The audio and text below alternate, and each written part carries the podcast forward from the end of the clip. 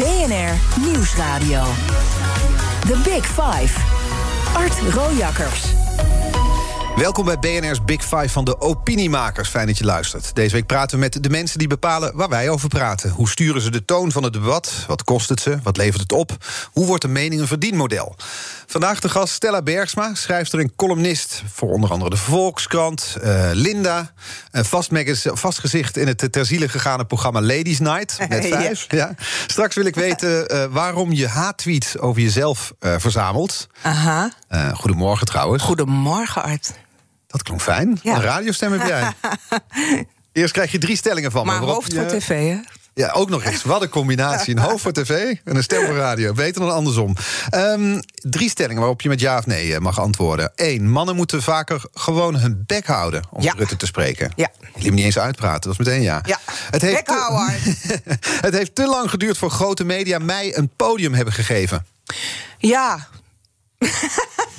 maar ja, maar ook nee. Ik bedoel, maakt niet zoveel uit. Ik vind het fijn dat het nu wel zo is. Ook, sorry, ik mag alleen maar ja of nee zeggen. Ja, de ja. derde. Ik vind het vervelend als mensen mij de vrouwelijke Johan Derksen noemen. Mm, nee. Ik vind het bullshit, maar ik vind het niet vervelend. Oké. Okay. Ik spreek deze week met Marcel van Roosmalen, Marianne Zwagerman, Ebru Oemar en Sander Schimmelpelling. En dus met jou. Voel je thuis in dit rijtje? um, nee. Nee. Maar ik vind mezelf ook. Uh, ik ben opiniemaker, maar ik ben dat niet alleen, zeg maar. Dus, dus, je bent ook kunstenaar, schrijver. Ik vind mezelf een kunstenaar. Maar, daar, maar mm, opinie maken is een beter verdienmodel dan kunst maken. Vertel. Nou, dat is zo. Kunst maken. Kunst is uh, best wel lastig om aan de man te brengen, zeg maar. En ook niet consistent. Dus bro, ik heb een boek geschreven dat, dat verkoopt goed. Maar ondertussen moet ik ook nog anderen moeten schoorsteen roken. En dan is opinie maken, als je kan schrijven, wat ik kan, een uh, goede manier om geld te verdienen. Want dan kun je voor die columns krijg je betaald. Je wordt gevraagd ja. om her en der je mening te geven. Ja, ergens komen en mijn mening geven vind ik prettiger dan een column schrijven en mijn mening geven. Gewoon, ja, gewoon een beetje lullen. Want dat is wat opinie maken is namelijk. We kunnen er heel duur over doen. Maar ja. het is gewoon een beetje lullen over wat je vindt. Uh, en dat vind, ik, uh, dat vind ik leuk om te doen. En een beetje ik, lullen over wat je vindt. Het is ja. de eerste keer dat ik dat deze week hoor. ja, dat is wat ik vind. Dat het gewoon. Uh, het, we kunnen ja, nogmaals, we kunnen er heel duur over doen. Maar het is gewoon je mening zeggen. En meningen zijn zo van. Ja, we kennen het cliché: opinions are like assholes. Maar het is wel zo: iedereen heeft een mening. Waarom is het nou zo boeiend wat ik te zeggen heb? Ik geloof dat ik vooruitloop op de vraag van de Ebru. Maar goed, dat kan me zo wel op. Ja, want Ebru Oemar stelt je inderdaad een kettingvraag. Ik wil je ook, voordat ik die laat horen, iets anders laten horen. Want um, jij roept met je mening. Je zegt ja, nou ja, die, die mening. Ik heb mijn mening. Ik zeg die, wat stelt het voor? Parafraseer ik. Toch roep, je, roep jij reacties op. Bijvoorbeeld mm -hmm. in Ladies Night. Johan Derksen, we noemen hem al, zei, zei dit over jou. Steeds Peter R. de Vries in het kwadraat. Ik heb bezonnen dat wij zitten ergeren... dat ik de volgende weer ga kijken om naar de kutwijf te kijken. Ja, dat, dat roept hij dan in VI. Ja. Dat wordt dan naar jou toegestuurd. Want ik denk niet dat jij het programma kijkt. Hoe reageer Soms je erop? kijk ik wel. Nou, ik keek vroeger wel. Ik zette het zeg maar op de achtergrond op als een soort theekransje. Gewoon gezellig gebabbel. Ja. Dat gelach is, het is gezet, het is melig. Het is Alsof gezellig. je niet alleen thuis bent. Ja, nou, gewoon als je gewoon een beetje achtergrondgeruis wil, zeg maar. maar wat, zo, zoiets wat dan dus door Johan Derksen wordt gezegd over jou... dat, dat komt dan tot je en wat denk je dan? Uh, ja, ik vind het. Nou, wat ik voornamelijk denk. Maar, dat, maar, ik, maar Wilfred Gené heeft me uit die droom geholpen. Ik dacht gewoon. Ik hoor in zijn stem van, van Jan van dat kutwijf. Er zit een soort sprankeling in zijn oogjes, zeg maar. Dus ik hoorde eigenlijk een soort liefde daarin. Maar Wilfred Gené zei: Nee, schat, ik ken, ik ken Johan en hij vindt je echt het. irritant. dus ik dacht, nou ja, dat, dat kan. Maar ik, ik dacht, het zegt ook wel iets over jouw positie. Dus je, bent, je wordt genoemd door Johan Derksen, dan ben je wel iemand hoor. Ja, man, dat is het grootste compliment. Ja, ik weet niet. ik, heb, ik vind dat ik nog zo weinig heb gedaan dat ik het echt absurd vind om nu al een kutwijf te zijn. door gewoon een beetje te bestaan. Ik, uh, ik heb nog niet. De, you ain't seen nothing yet, Johan. Nee, dat gevoel komt nog veel meer aan, bedoel ja, ja, dat gevoel heb ik dan. Ik, heb niet, ik, heb, ik, heb, ik zeg nooit wat. Ik zeg bijna nooit echt iets bouts of iets heel opzienbarends. Ik, uh, maar het is dan de manier waarop je profileerde bij Ladies Night. Ja, en de geval. manier waarop me profileerde is dan gewoon dat ik, dat ik, dat ik ben. Dat ik adem. Dat ik. Uh, uh, dat ik niet, ja, waarschijnlijk in zijn vrouwbeeld pas of zo. Maar eigenlijk. En waarom pas je niet in zijn vrouwbeeld zeggen, dan? Ja, dat weet ik niet. Moet je aan hem vragen. Nee, maar eigenlijk als, als mensen zeggen de vrouwelijke Johan Derks of de vrouwelijke Peter R. de Vries. Als dat zo is, dan, dan is het, ziet hij dus een spiegel van zichzelf. En vindt hij zichzelf dus eigenlijk heel irritant, denk ik dan. Ja, dat zou Of, kunnen, of inderdaad. ben ik net zo irritant als hij en heb ik net zoveel recht als hij om op tv of op radio te zijn? Ja, maar want hij ging wel weer naar je kijken, zei hij. Ja. inderdaad. Maar jij werd door Linda, het magazine, dus niet de vrouw... werd je de vrouwelijke Johan Derksen eh, genoemd. Ja, maar dus door hem word ik de vrouwelijke Peter R. de Vries genoemd. Wilfred Gené noemde me. Nee, Wilfred Gené begon met de vrouwelijke, vrouwelijke, vrouwelijke Johan Derksen. En ik zelf had gezegd bij, tegen Linda, tegen Ladies Night... toen ik eh, zeg maar bij de sollicitatie had ik gezegd... ik Peter R. de Vries me er wel doorheen. Ja, ik- Oftewel, ik bluff wel gewoon wat meningen bij elkaar. Want dat is wat ik vind... Wat, ik ben misschien wel de anti-opiniemaker. Je bent de anti-opiniemaker in deze. Ja. Je bluft wat meningen bij elkaar, en dat is een verdienmodel. Ja, het is niet, het is niet alsof. eh maar geldt alsof dat voor jou of voor alle opinie- opiniemakers? Ja, dat geldt voor alle opinie. Dus je hebt er sommigen die gewoon. Eh, goed kunnen argumenteren. En dat is eigenlijk interessanter. Als je iets te zeggen hebt, als je goed kan argumenteren. Eh, ik las een quote van Johan Ruveld. En die zei: me- een, een mening is eigenlijk niks. Het is eigenlijk de tussenstand tussen twee argumentaties in. Toen dacht ik, ja, dat is eigenlijk waar. Mening is de tussenstand tussen twee Ja. argumentaties in. Dus het gaat om het argumenteren. Het gaat om de inhoud. Dus een mening is, is, is de tussenstand daartussen. En mening is ook vluchtig. Het is een beetje de waan van de dag. Het kan ook veranderen. Als je Famke Louise bent, gaat het heel snel met veranderen, bijvoorbeeld. dan zit je de ene avond Of bij- heet ze nou Femke? En ze- Je schrijft Famke, maar je zegt Femke. Ja. Ik heb er nog eens drift, driftige research naar Ja. gedaan, maar dat is het. Dus zo snel kan het gaan met een opinie. Ja. Ehm eh, eh, Ebru Oemar was gisteren hier. Eh, nou, die was niet hier, ze was thuis. Dus daarom hoor je ook haar kat op de achtergrond. En zij had een, een kettingvraag voor jou, en dat was deze. Ja. Waar ik benieuwd naar ben, is wat iemand in dit tijdperk trekt om opiniemaker te willen zijn. Dus wat wil zij hier uithalen? Wat is haar motivatie? Ja, Wat is je motivatie? Het is niet eens een persoonlijke vraag. Ik ben heel teleurgesteld. Stella, Stella, waarom wil jij nou opiniemaker zijn? En wat trekt iemand? Nou, wat ik al zei, eh, ehm, eh, het is het, het, als ik zou willen. Het liefst zou ik bijvoorbeeld als schrijver een vrije column krijgen. Zoals sommige mensen hebben. Dat is eigenlijk de, de heilige Het graal. De heilige graal van het schrijverdom is dat je kan schrijven waar je over wil. Want ik heb hele. Eus ik heb- of Saskia Noord. ja, Of... ik heb hele en eh, ik heb een tijdje ingevallen in de Volkskrant ook. En dan kan je gewoon soms heb je een mening en soms heb je helemaal geen mening. Heb je iets meegemaakt? Ben je op straat? Heb je iets vertederends, iets kleins gezien of iets heel schokkends? En het liefst zou ik dat doen. Dus het liefst zou ik niet de hele tijd eh, een mening hebben en gewoon interessant zijn om Stella Bergsma. Oh, Stella Bergsma heeft iets meegemaakt. Fantastisch mensen. En Mhm. Maar daar eh, ben je nog niet. daar ben ik nog niet. En in die tussentijd willen mensen dan opinies, want daar wordt op geklikt. Want dat, dat haakt in. Dat is een haakje aan de waan van de dag. En omdat ik wel kan schrijven, eh, lukt het me ook een opinie, om, een, om een opinie te verwoorden. En soms valt het moment waarop ik een mening heb en het feit dat ik kan schrijven helemaal samen. En dan ben ik ook echt heel goed. En soms dan denk ik van ja, kan mij het allemaal schrijven? Heb ik, dan heb ik helemaal niet zo vreselijk veel mening. Maar dan zet je het een beetje aan omdat het nou eenmaal het verdienmodel Omdat het is. nou eenmaal het verdienmodel is, ja. Of dat het in ieder geval iets is wat consistent is en waar mensen in geïnteresseerd zijn. En mensen zijn niet altijd per se geïnteresseerd. Soms wel als ik gewoon in een blad een, eh, iets schrijf over mezelf. Maar bijvoorbeeld in de krant iedere week zomaar zeggen wat ik eh, eh, meemaak. Daar ben ik inderdaad nog niet. Dat zou ik willen. Ja, maar Ik je, zou- je zet je mening dus soms aan, of je, je verzint misschien zelfs een ja, mening. soms om moet dan... ik hem er echt uit persen als gewoon dat je. de- de- dus dat is ook niet. Ik, ik schreef een tijdje voor HP eh opiniecolumns en dat vond ik ook niet leuk. En ook voor Linda heb ik het, eh, voor Linda.nl heb ik het gedaan. Dat ik denk, ja, dan als ik het echt moet, dan ben ik niet altijd goed. Dus ik heb nu de deal met Linda. Schrijf jij maar een, een opinie als je een opinie hebt. Maar en dat dan kan ben ik ook wel heel goed. kan bij wijze van spreken één keer per jaar zijn dan. Ja. Eén keer per jaar heb ik een keer een opinie. Nee, als het zeg maar over vrouwenzaken is. Ik, moet er een beetje warm voor lopen. Hm. Er zijn heel veel dingen waarvan ik denk, ja, hoe cares? Dus dat, eh, en dan heb ik wel meningen, dan, maar dan zijn mijn meningen zo vluchtig dat ik ze liever op tv zeg of op de radio of zo. Maar niet een heel stukje met argumenten. eh, eh, Dat dan ook weer bewaard kan worden en ja, teruggelezen. dan denk ik, ja, dat. dat het is gewoon. Ja, heel veel dingen vind ik. Ik vind de echte grote topics ook veel meer eh, eh, topics die inhoudelijk zijn. Die gewoon een langere adem hebben. Dus niet inderdaad, wat vinden we nu van Femke Louise. Maar gewoon wat vinden we van het coronabeleid. Waar staan we over een jaar? Wat gaat er gebeuren met ons? Eh, hoe voelen we ons daarbij? Dat soort dingen vind ik dan interessanter. The Big Five. Art Rojakkers. Deze week vijf kopstukken uit de wereld van de opiniemakers. Eerder deze week hoorde je al Marcel van Roosmalen, Marianne Zwageman en Ebru Oemar. Morgen hier Sander Schimmelpennik en vandaag de gast Stella Bergsma. Onder andere ook schrijfster van het manifest Nouveau Fuck. Ja, ik En- heb het voor je meegenomen als je het dat leuk waardeer vindt. ik zeker. Ja. Ja. Ehm, en columniste dus voor eh, Linda. eh, Ja. Op onregelmatige basis. Ja, en gewoon eh, freelance, op freelance basis schrijf ik voor van alles. Ja. Dit was een recente column voor jou die je ook hebt eh, ingesproken. hey, jij daar. Ben jij wel strandklaar? Nee. Nee, hè, nee. Nee, dat dacht ik al. Nee, jij bent te dik. Je hebt cellulitis. Je hebt strié. Je benen zijn niet geschoren. Je oksels niet sexy. Je hebt een vetrol. Je hebt blubberbenen. Je hebt zwangerschapskilo's. Je hebt een dikke reet. Hangarmen. Je bent oud. Je vel lubbert. Je hebt putten. Je hebt deuken. Je hebt bobbels. Je bent bleek. Je hebt puisten. Je glanst niet. En waar is je C-decolleté? Ja, dit was dan voor Linda. Dit ging over je vrouwen. bikini-butt, je killer body. Ja, nou, daar ging het inderdaad over. Dat ging nog wel even zo door. Dit was Ja. gericht aan de Linda-lezeressen. Wat wilde je ermee zeggen? Eh, het was eigenlijk een, eh, een, eh, een soort vertaling van een monoloog interieur die heel veel vrouwen, maar ook mannen hebben als ze in de spiegel kijken of voordat ze hun bikini aandoen.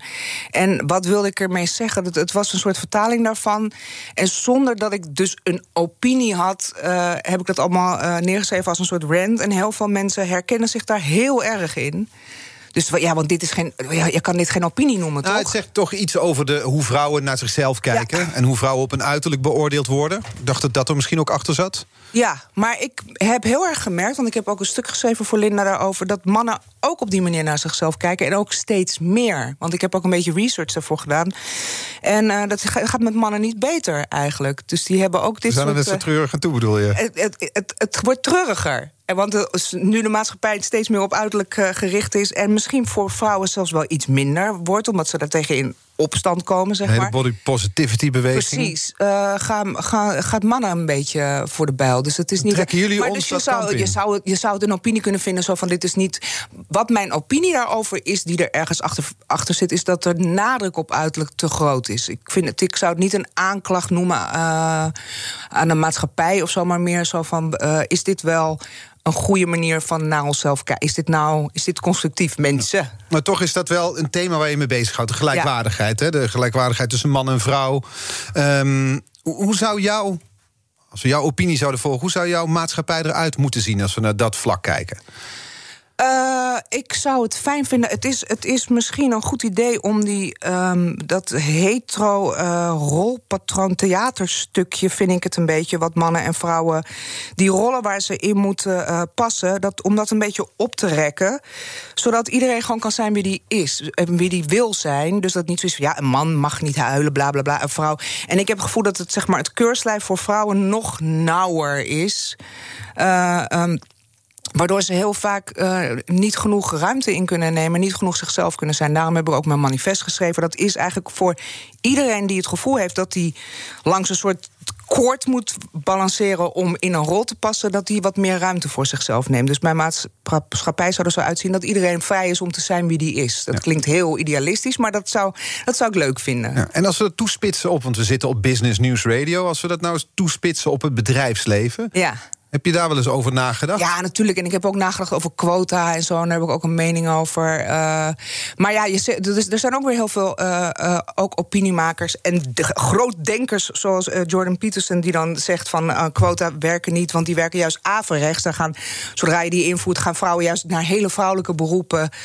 En dan denk ik, ja, dat, wie weet is dat wel zo. Misschien zou het wel geforceerd niet werken. Maar ik ben er wel op zich voor, omdat ik vind dat representatie heel belangrijk is. Dus, dus ook in de regering. In de rechtszalen zijn nu bijna alle rechters al vrouwen, geloof ik. Maar dat, dat, het, dat het belangrijk is dat, dat eh, de eh, diversiteit die in de maatschappij is, dat die ook gerepresenteerd wordt. En in het bedrijfsleven en in de regering. en dat en zo overal. het glazen plafond eh, nou ja, doorgemapt kan worden. Ja, maar, de, maar kennelijk is er ook een glazen, glazen vloer, hè?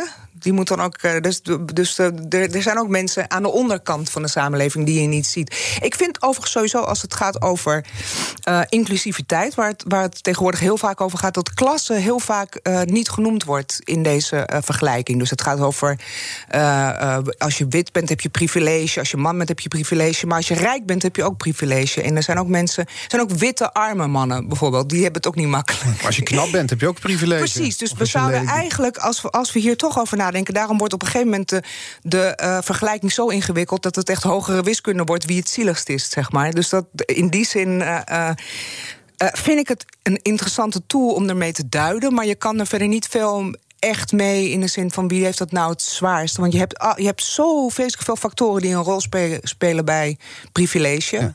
Maar ik zat nog te denken over het bedrijfsleven. Je hebt ehm, bijvoorbeeld een van de bekendste topvrouwen van Nederland, eh, Herna Verhagen, CEO van eh, PostNL. Het feit dat zij daar zit, maakt dat een bedrijf dan ook echt anders, denk jij? Ja, dat weet ik niet. Nee, ik denk het niet per se. Hoewel het wel zo is, maar ook daar is nog niet een echte correlatie gevonden tussen vrouwelijke regeringsleiders en corona bijvoorbeeld. Die landen waar vrouwen zitten, die doen het veel beter. Maar er zijn te weinig vrouwen nog om echt te kunnen aantonen dat dat met hun vrouwdom te maken heeft.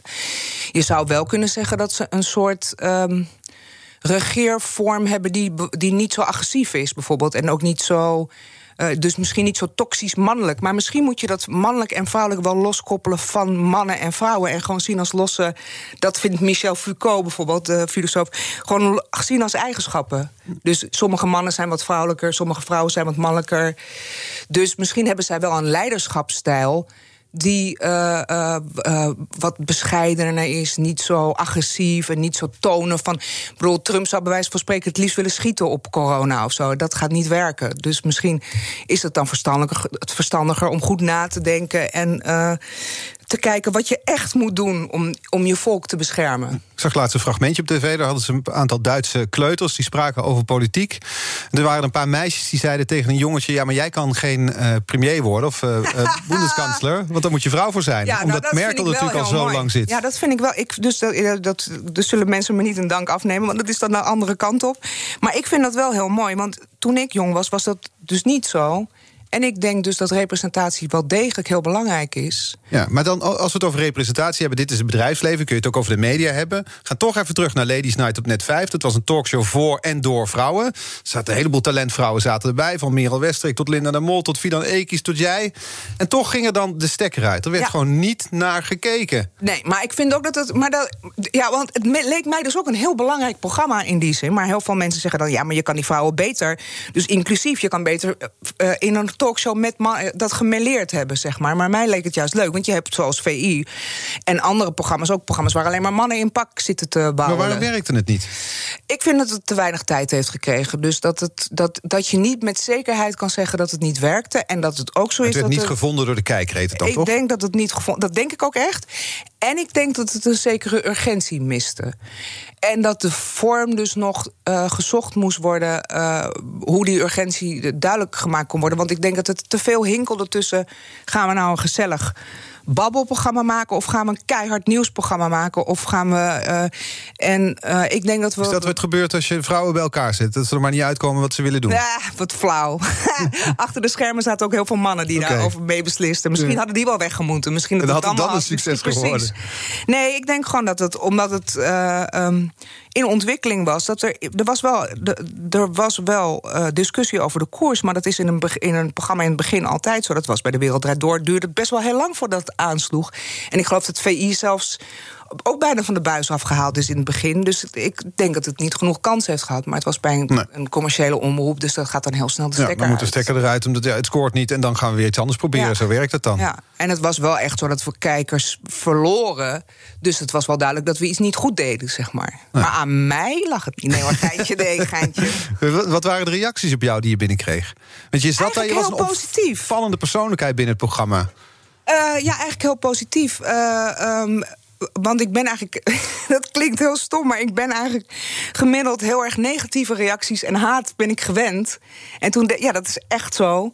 Dus dat, dat, daar ga ik helemaal van uit als ik ergens ben. Van, oh god, iedereen gaat weer zeggen van... oh, heb je haar weer met een grote mond, bla, bla, bla. Dus je zit nu hier en je denkt als dit straks is afgelopen... dan, Dan word krijg je je weer weer bedoeld- allemaal haat-tweet. En wat doet Stella Bergsma bij BNR? En je weet toch niks? En dat is toch een zangeres? En, eh, enzovoort. Dus dat, dat- daar zit ik al helemaal eh, klaar voor. Ja, dat Maar- dacht Marianne Zwageman ook over. Ja, dat is toch een zangeres? Wat doet hij hier in dit Ja, rijtje? ja, maar Marianne Zwageman was toch eerst directeur? Wat deed hij dan hier in het rijtje? Dat is Business News Radio. Oh ja, maar en een zangeres heeft geen verstand van zaken. nee, minder. maar letterlijk van zaken. Ja. Maar en je moet ook bij je die lees blijven natuurlijk. Ja, nee, maar je gaat eruit van negatieve reacties. Eh, en toch zit je hier, bleek- oh, toch toen- zoek je een podium. En dan in dat geval kreeg je dus positieve reacties. Maar het is interessant dat je het dan wel, Ja, in, wel in, ergens eh, gaat zitten. In, eh, eh, eh, nou, maar dus, dus na een ladies night kreeg ik van heel veel vrouwen hele positieve reacties. En ook echt van oh, dat ik een verademing was en zo. Dus dat is de andere kant van het verhaal. En de reden waarom ik hier ben gaan zitten is omdat ik ben verleid door Robin. Die zei: Je mag een uur over Onze jezelf redacteur. praten. Ja, en dat, vind- dat vind ik leuk om te doen. En er ook zitten ook mensen ik- te luisteren. Ja. Je had ook met Robin in een café kunnen gaan zitten... en een uur over jezelf praten. Nee, oké, maar voor een publiek. Want ik vind het natuurlijk wel leuk om mezelf kenbaar te maken. Waarom? En- ja, ik wou nog even mijn volgende en dan, dan geef ik daar Ja? antwoord op. En ook omdat ik van plan ben om zelf een talkshow te maken. En eh, omdat ik van jou wil leren. Oh, En ook omdat ik wil oefenen in rustig zijn. Want ik ben heel vaak te onrustig en te, ook op bij Ladies Night. Want ik heb, ik ben, heb ADHD, dus ik ben heel vaak heel hyperactief. En ik dacht van hoe vaker ik oefen, hoe beter ik word. eigenlijk is überhaupt. oefenen in zelfcontrole wat je hier zit Ja. te doen.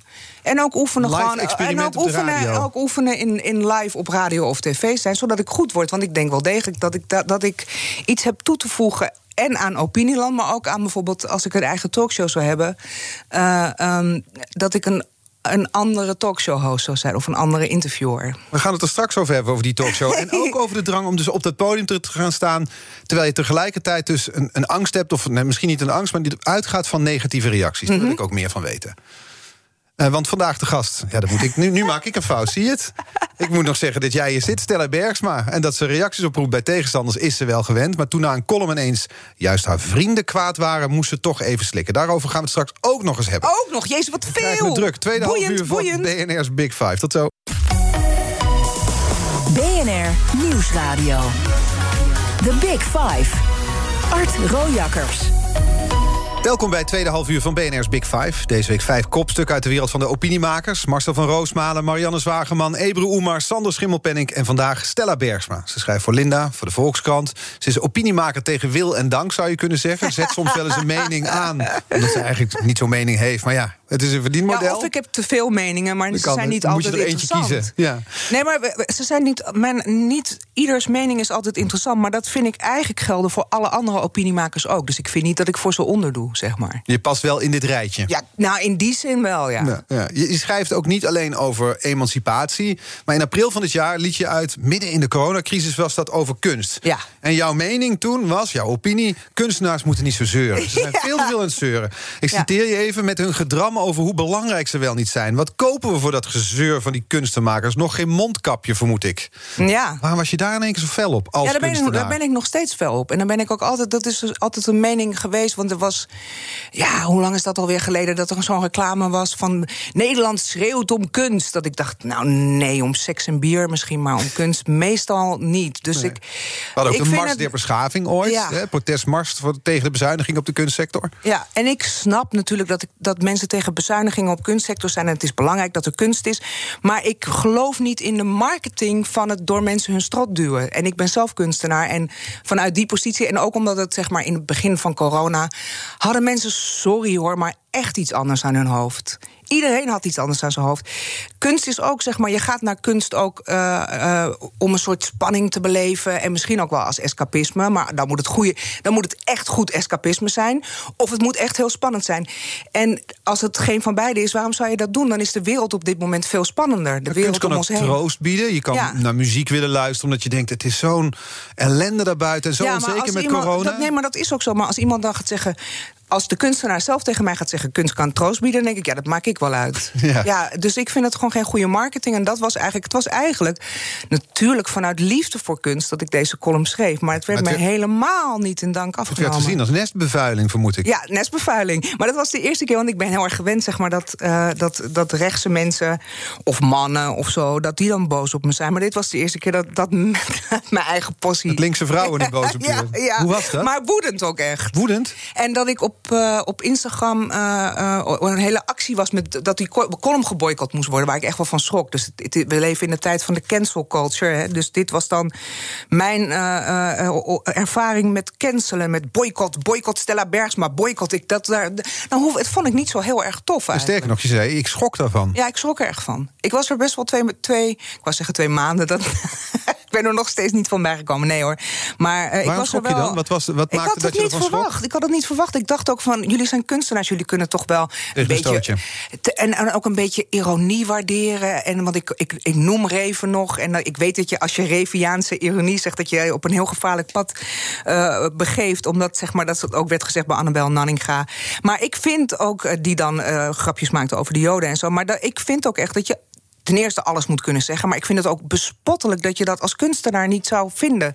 Tuurlijk moet je alles kunnen zeggen en alles kunnen denken. En in het kader van een column moet je vrij zijn. Ja, maar dan zeg jij, afkomstig uit die culturele sector... met hun gedram over hoe belangrijk wat ko- verkopen kopen voor dat gezeur... daar komen dan reacties op en van die reacties schrik je. Ja, ik, nou, ik schrok van de felheid daarvan en van het feit dat mensen dus niet meer konden relativeren dat ik, dat ik eigenlijk. Omdat hun, hun, hun bestaan op het spel stond. Ja, ja, maar iedereen's bestaan stond op het spel. Dus dat is, ja, dat, we zitten allemaal in hetzelfde schuitje.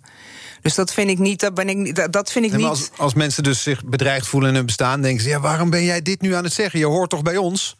Ja, maar, maar je- je moet wel.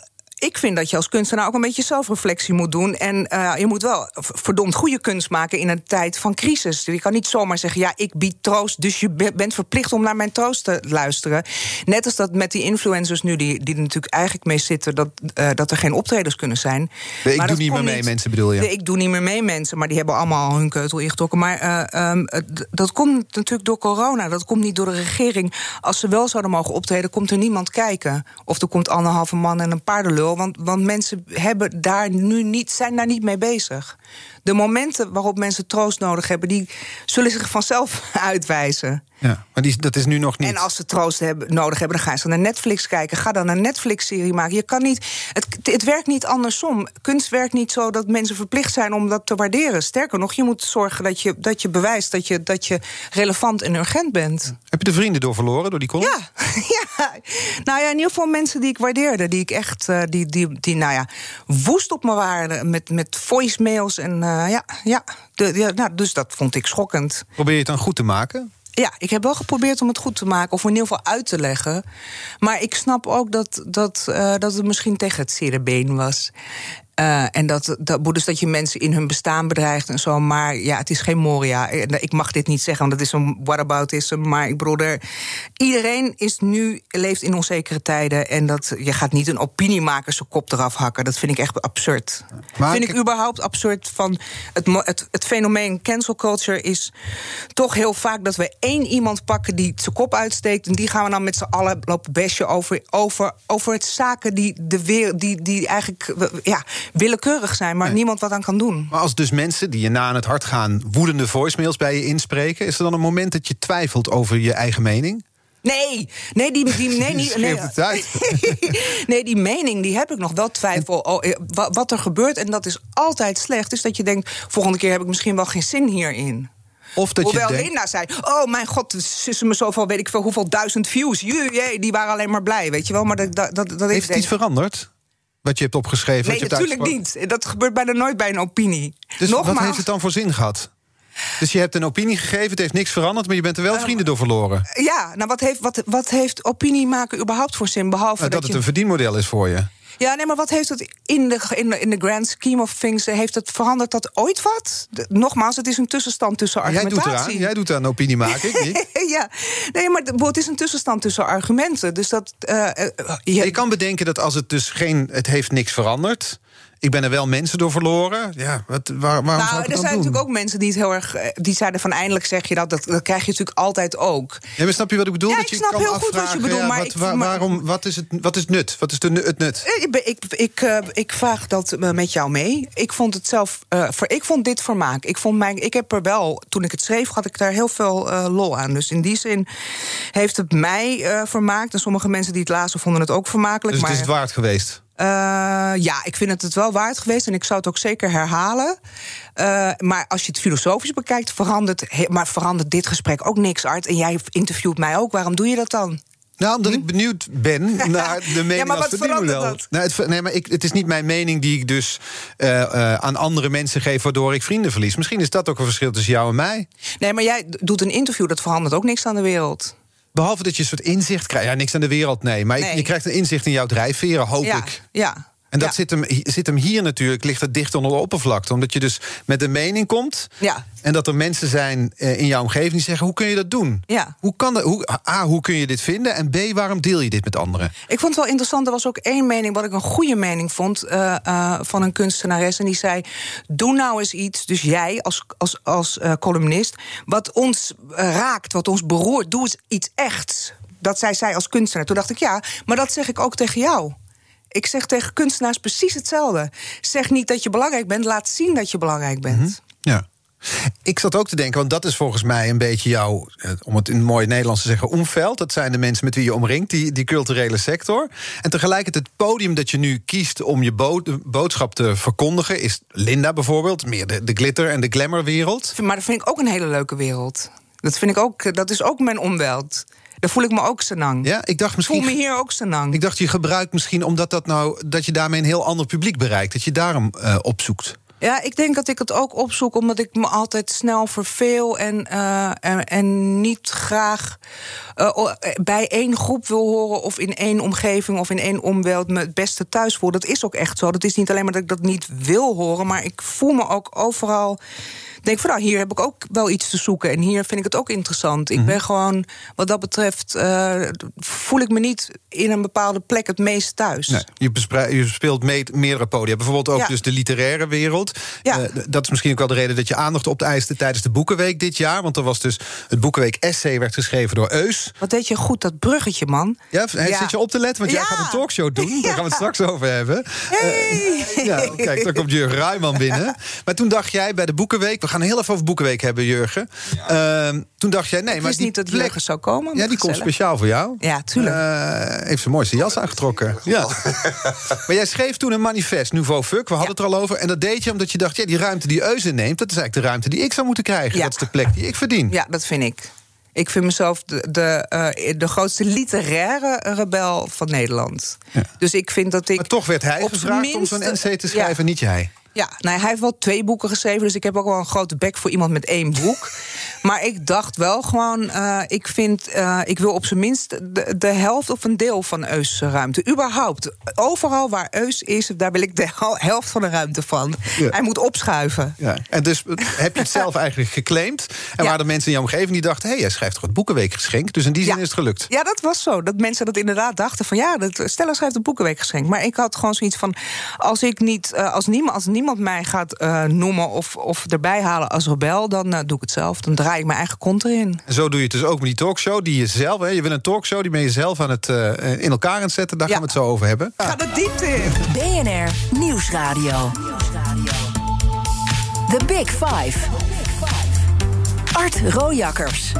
Je luistert naar BNR's Big Five van de opiniemakers... met vandaag de gast columnist, kunstenaar, zangeres... en binnenkort talkshow-presentator Stella Bergsma.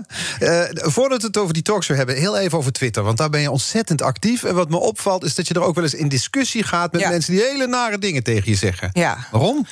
Nou, soms heb ik die ruimte, soms ook niet. Eh, ik ben net, eh, kom net terug uit Italië. Toen ik daar was, toen zag ik zeg maar Nederland heel erg met een en afstand. En dan denk ik van wat een klein zielig gelul allemaal op de Twitter. Ook gewoon dagenlang over aquatie en dagenlang over grapperhaus en zo. Ja, zeg maar in de, in de grote picture is dat dan Een heel. postzegel waar mensen zich heel druk maken. Ja, een post, inderdaad, heel goed gezegd. Eh, dus dat, maar soms ben ik dan in Nederland en heb ik, eh, vind ik het ter ontspanning leuk. En ook om mijn eigen gedachten te scherpen, om in discussie te gaan. Kun je mensen dan ook echt overtuigen? Eh, dat is wel een, eh, net zei je dat ook al met, met eh, columns. Misschien kan het wel nooit. Ze zeggen heel vaak op Twitter kan het niet. Maar het blijft een soort diepe wens en hoop van. Maar het is zelfs, als ik nou een bruggetje mag maken, ook een reden om, om een talkshow te gaan doen. Ik heb een eh, eh, ooit met de, een talkshow bedoel ik dan eigenlijk niet zo van goedenavond dames en heren. Het is eigenlijk zoals vroeger had je van die gesprekken zoals Ischa Meijer en Theo van Gogh en van Dis en zo van die één op één gesprekken. En ik heb ooit een, een professor gesproken die gespecialiseerd is in haat. En die zei de enige manier waarop je een ander kan overtuigen is één op één contact. Maar dus niet, dat is dus niet op Twitter. Dus eigenlijk is Twitter heel dom. Maar dat is misschien om te sparren, om te oefenen. Ik zie Twitter ook als een soort computerspelletje of zo. Ja, je zei Dat ook je op Twitter, samen levels- haat is het enige dat ons nog verbindt deze dagen. Ja, treurig toch? Ik vond het wel een trieste. Ik vond het ook een accurate samenvatting van het medium. Ja. Maar het ook wel een trieste constatering, inderdaad. Ja, we, we samen lief hebben of samen... Ja, helemaal aan het begin van corona hadden we even een hele kleine opleving... maar dat ging heel snel over Ja. in haat. Maar dus wat ik wilde zeggen, dus hij zei... Als je mensen tegenover elkaar zet, dan, dan kan je de meeste haat oplossen. En dan moet je dus niet groepen tegenover elkaar zetten... maar gewoon een één op één gesprek. Ja, want je hebt nu dus een pilot opgenomen voor die talkshow. Ja. En dan, dan, je hebt daar ook die haattweets over jezelf heb je verzameld, onder Ja, andere. Ja. ja. Hoe is het dan om al die reacties bij elkaar te zien? Eh, ja, dat vond ik eh, de, toen ik het zeg maar aan het doen was eh, heel vervelend. Toen was ik echt, ik zag er ook heel erg tegenop. Ik had echt gewoon een, een fles wijn erbij gepakt. Ik dacht van ik ga ze allemaal verzamelen. En, en dan, dan, dan decentiseer je, is dat een woord? Decentiseer. Nou, in ieder geval dan word je daar, word je daar ongevoelig voor tijdens de, of je verwerkt het of zo. Dus dan daar, op een gegeven moment moet je er ook heel erg om lachen. Mhm. Eigenlijk met alles in het leven is het zo dat je het incasseert en dan moet je dan Er waren verwerk je er zoveel dat je een hele fles wijn ervoor nodig had? Nee.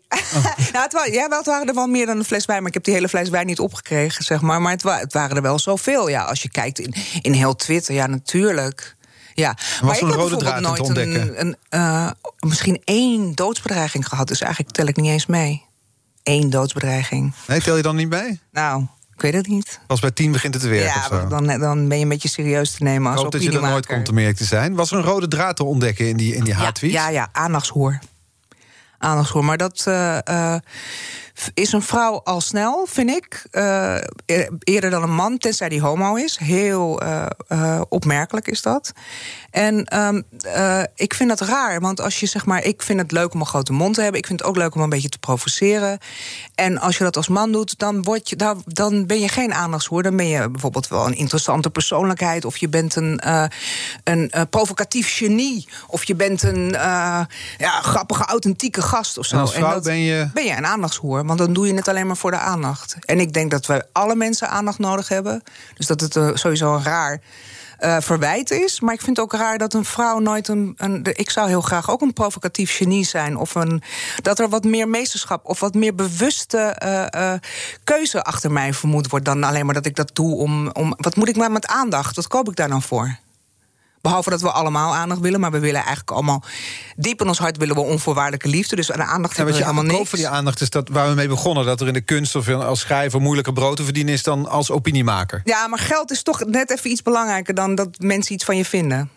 Dus als jij je, je, je uit je en dan neem je die lelijke mening op de koop toe. Want ja, dit is nou eenmaal de manier waarop je door het leven kan gaan.